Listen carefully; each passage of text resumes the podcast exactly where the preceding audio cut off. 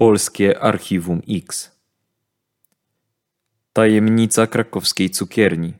Morderca od lat unika kary.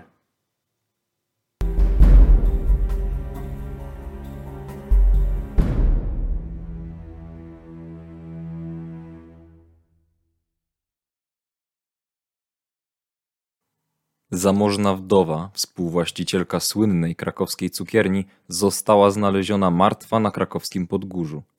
Kilkanaście godzin po zabójstwie Danuty D. do jej domu przyszedł tajemniczy mężczyzna podający się za policjanta i przyniósł dokumenty kobiety. Po ponad dwudziestu latach od dokonania zbrodni do policjantów z krakowskiego Archiwum X zgłosił się mężczyzna, który zadawał niecodzienne pytania dotyczące tej zbrodni. Sprawa do dziś pozostaje nierozwiązana. Jeśli chodzi o tą sprawę, to na pewno jest y, tutaj wiele niewiadomych. Była to sprawa, która bardzo zbulwersowała mieszkańców Krakowa. Były to lata 90., troszeczkę inne realia.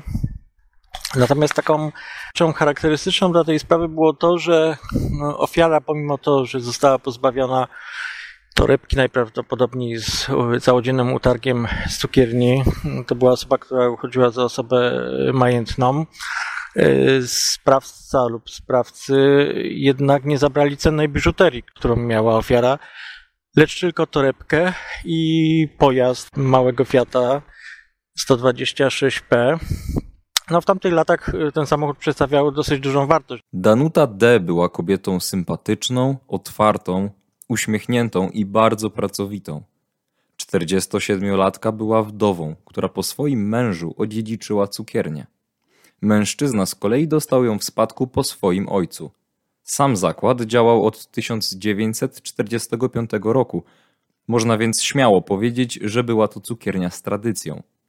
W 1990 roku, kiedy doszło do zabójstwa pani Danuty, cukiernia mieściła się przy ulicy Cekiery. Obecnie ulica ta nosi nazwę Legionów Józefa Piłsudskiego. Co ciekawe, do dziś w tym miejscu funkcjonuje cukiernia – choć już pod zupełnie innym szyldem. Pani Danuta codziennie dojeżdżała do cukierni małym czerwonym Fiatem. Zazwyczaj kobieta pracowała od godziny 9 do godziny 18. Podobnie było 11 stycznia 1990 roku. Tamtego dnia, pod wieczór, po zakończeniu pracy, pani Danuta wraz ze sprzątaczką zamykały cukiernię. Nagle zadzwonił telefon. Pani Danuta pożegnała się ze swoją pracownicą, a sama podeszła do aparatu, aby go odebrać.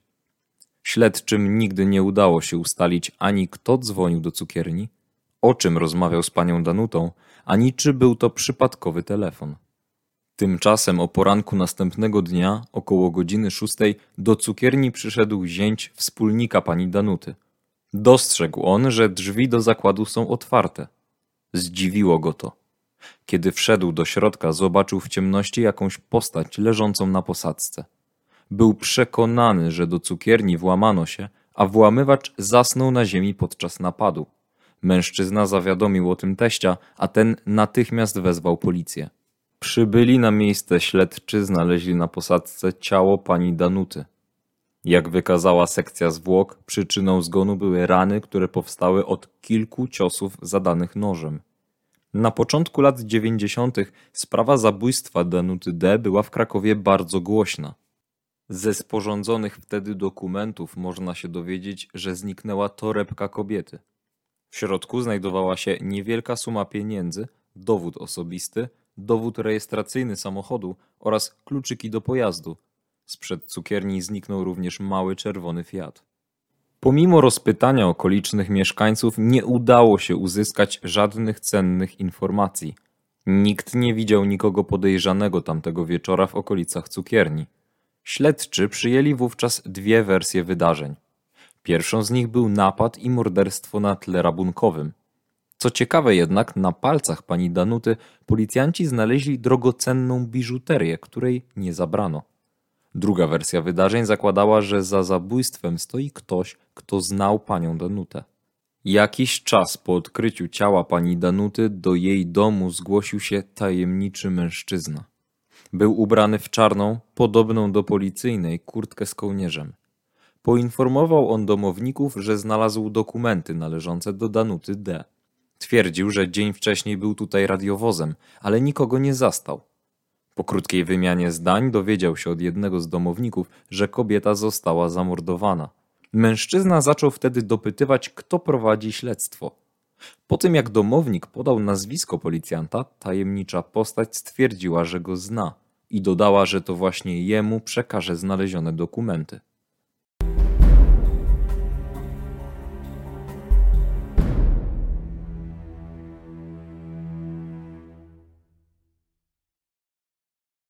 Wtedy, kiedy zaistniało to zabójstwo, nie byłem w ogóle funkcjonariuszem policji.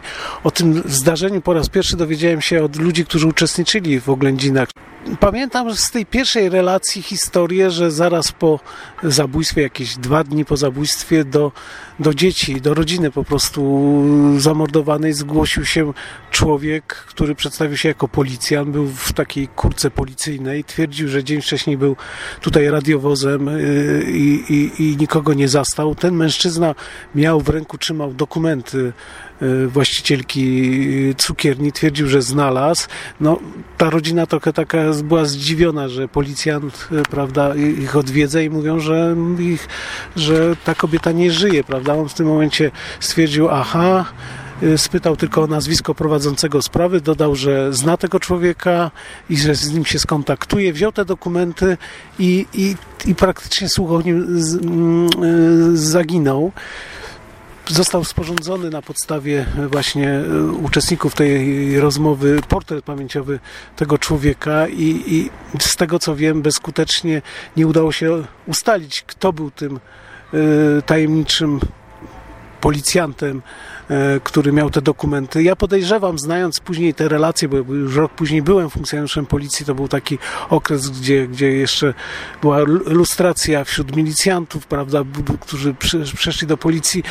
Podejrzewam, że ten człowiek albo znalazł te dokumenty, albo był na dyżurce i ktoś przyniósł te dokumenty i chciał wykorzystać ten fakt po prostu, że do takiego dodatkowego zarobku, czyli czy tam na alkohol, czy na jakąś drobną kwotę pieniędzy.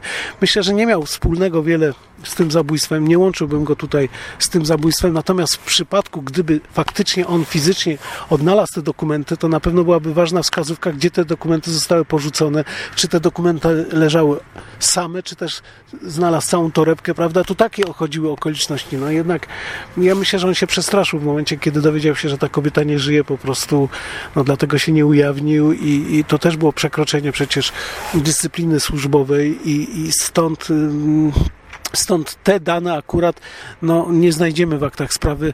Dalej ten wątek jest niewyjaśniony. Mariusz, na miejscu stały kosztowności. O czym to może świadczyć? No tak, tak jak już tu wcześniej rozmawialiśmy, y, ofiar, y, of, y, przy ofierze została biżuteria bardzo cenna i w latach 90. przedstawiająca wartość.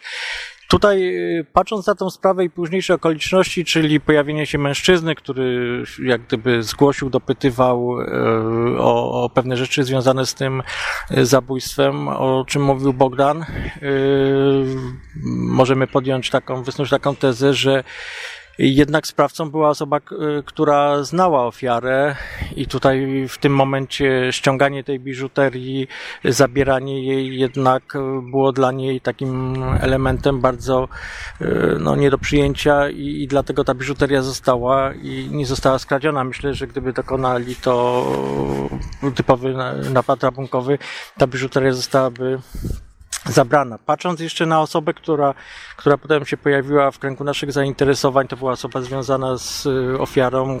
Ustaliliśmy, że, że osoba ta e, próbowała nawiązać e, towarzyskie stosunki. Tutaj ta osoba była kiedyś kierowcą zawodowym. On dowoził towar, przewoził towar, często przyjeżdżał do cukierni, a patrząc na to, o czym wcześniej mówiliśmy, czyli na okoliczności zabrania tego pojazdu, bardzo tutaj zaparkowania go w sposób taki prawie że doskonały na ulicy tej Sierankiewicza, obecnie skwerowej w Krakowie, położenie tych kluczyków, czyli jak y, taki pietyzm związany z, z pojazdem. No, tutaj może, może się rodzić to, że y, zawodowy kierowca y, ma coś takiego, że, że dla niego samochód, pojazd jest czymś, a zwłaszcza w tamtych latach, w latach 90., y, rzeczą, o, o którą dba.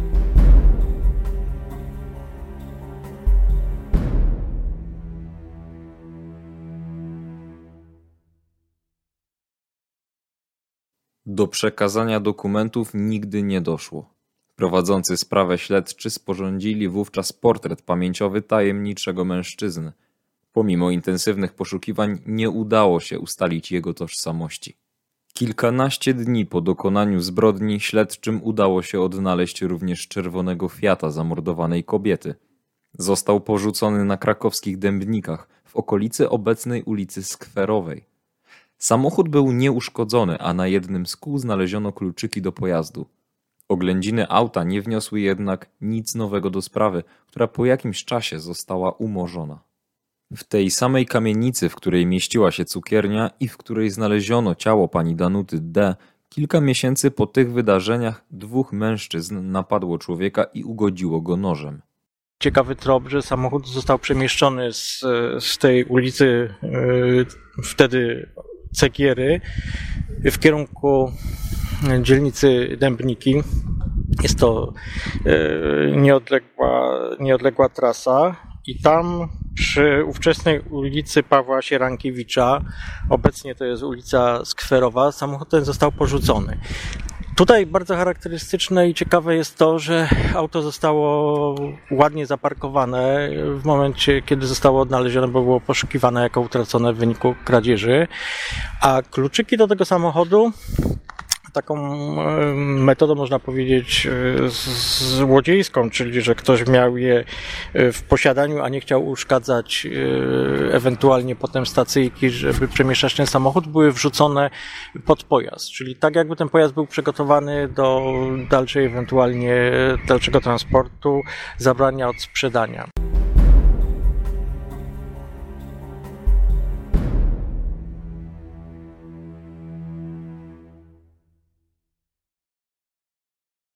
Tymczasem 20 lat od dokonanej zbrodni akta sprawy trafiły do śledczych z krakowskiego Archiwum X.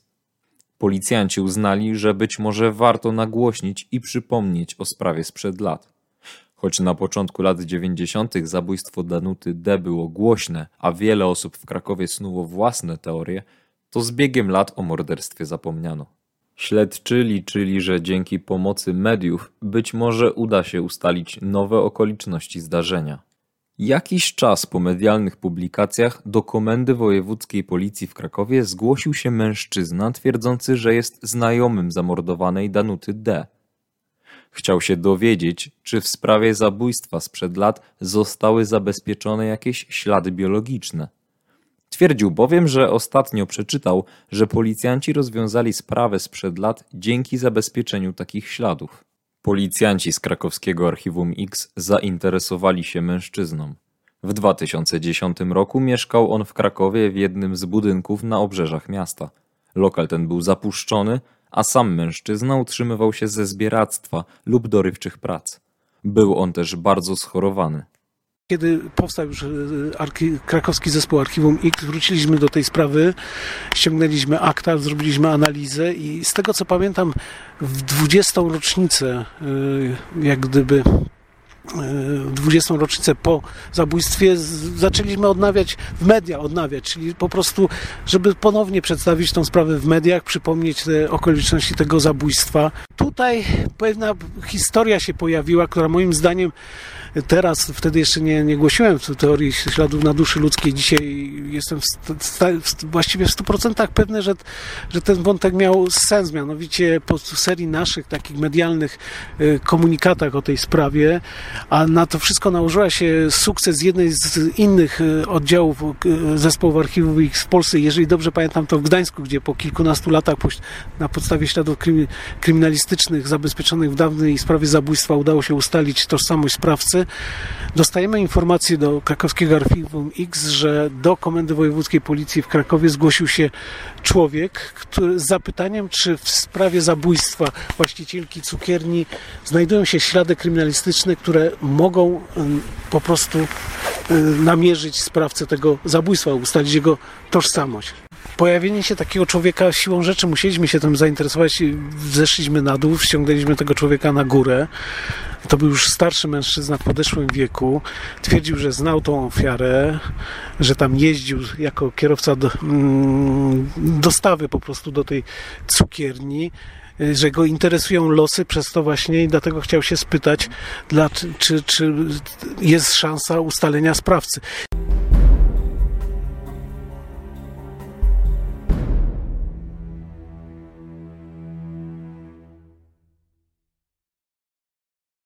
Okazało się jednak, że przed dwudziestoma laty był on zawodowym kierowcą, który rozwoził towar po różnych sklepach w Krakowie.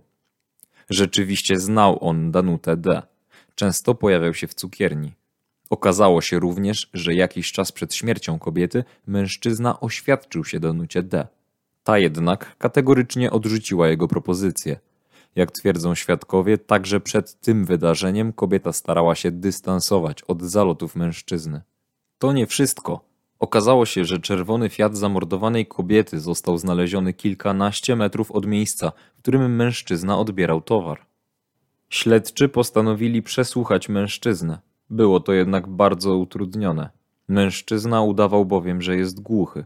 Kiedy rozmawiał on z policjantami o sprawach innych niż morderstwo, doskonale słyszał, co mówią. Kiedy jednak pytali go o sprawę Danuty D., udawał on, że nie słyszy ich pytań. Odmówił również poddania się badaniom wariografem. Nie zgodził się również na dobrowolne pobranie odcisków palców. Co zauważyliśmy, że mężczyzna ten normalnie wszystko słyszał, a w momencie, kiedy zadawaliśmy mu pytania, twierdził, zasłaniał się właśnie, że cierpi już, że nie słyszy. Między innymi bardzo głośno krzyczeliśmy, czy zgodzi się na wariograf, bo od razu nam się to wydało podejrzane, że po tylu latach, zwłaszcza, że mieliśmy to świeżo z tyłu głowy, te doniesienia medialne. Zresztą on mówił, że słyszał, że w Polsce po prostu na śladach kryminalistycznych ujawniono sprawcę po kilkunastu latach, sprawcę zabójstwa. No, no siłą rzeczy musieliśmy się tym człowiekiem zainteresować. Kategorycznie odmówił udziału w badaniach wariograficznych. Twierdzi, że nie miał nic z tym, nie ma nic z tą sprawą wspólnego, że nie, to nie on jest sprawcą, tylko się chciał dowiedzieć po prostu, bo, bo ta osoba nie była mu obca. Na, następ wyjaśnienia jego nie przekonywały, a, a zasłanianie się tą głuchotą tym bardziej podejrzewały. Dzisiaj to uważam, że są to właśnie te klasyczne ślady na duszy ludzkiej troszeczkę w inny sposób przedstawione.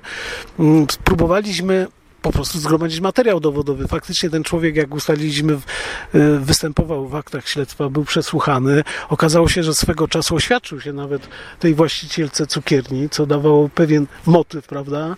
Został odrzucony, tutaj nie dodałem został kategorycznie odrzucony, ale mimo wszystko dalej tam przyjeżdżał i w jakiś sposób adorował tą, tą kobietę. Być może, że nastąpiła jakaś eskalacja w takich związkach uczuciowych. Tu, tu mi oczywiście nie dawała jedna y, myśl spokoju. Jeżeli oczywiście ten telefon można wiązać, czy nie był ten telefon przypadkowy. Nie mówiliśmy o tej do tej pory, ale no, z okoliczności tej sprawy wynika jednoznacznie, że 11 stycznia 1990 roku, kiedy właścicielka cukierni wraz z sprzątaczką zamykały lokal, w tym momencie no, ktoś zadzwonił na telefon, który znajdował się wewnątrz cukierni.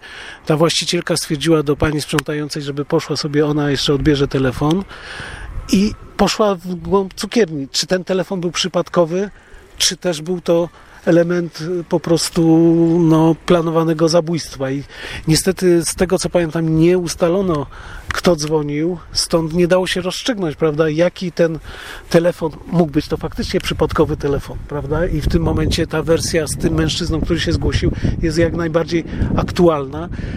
Natomiast w innym przypadku nie. I było za dużo tych takich właśnie białych plam w tej sprawie, takich niedociągnięć. Oczywiście śledztwo było masę motywów różnych osób wykazanych, że mógł mieć y, do tego zabójstwa. Na pewno wiodącym, wiodącą wersją kierunkową była wersja zabójstwa na tle rabunkowym, bo zginął samochód marki Fiat 126P, który wtedy w latach, na początku lat 90. przedstawiał ol- olbrzymią wartość. To była osoba majętna. Sprawca mógł przypuszczać, że miała utarg z całego dnia, prawda? Bo to jest jednak y, napad, napad czy zabójstwo pod koniec, y, na, po zamknięciu cukierni. Na pewno trudna sprawa, jeżeli chodzi o ten motyw. Mnie się wydaje jednak po latach, że związek z tą sprawą miał właśnie ten, ten adorator tej pani.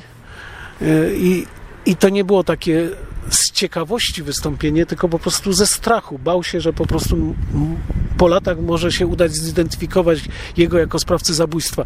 Z tego co pamiętam, w tej sprawie nie było śladów takich, które mogły wprost e, ustalić tożsamość sprawcy, także nie mieliśmy tutaj oparcia. Próbowaliśmy podjąć działania operacyjne wobec tego mężczyzny, ale on już wtedy podupadł, y, można powiedzieć tak y, socjalnie, już mieszkał jako bezdomny praktycznie, nie kontaktował się z nikim i nie udało nam się zgromadzić materiału, którym mogliśmy wystąpić do prokuratury z wnioskiem o podjęcie śledztwa w tej sprawie.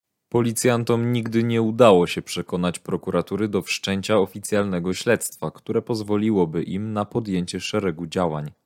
Sprawa do dziś pozostaje nierozwiązana, a mężczyzna, który po latach zgłosił się na policję, jak wynika z naszych informacji, najprawdopodobniej już nie żyje. Jeśli ktoś z Państwa posiada informacje mogące pomóc w rozwiązaniu tej sprawy, prosimy o kontakt na nasz adres polskiearchiwumx małpa gmail.com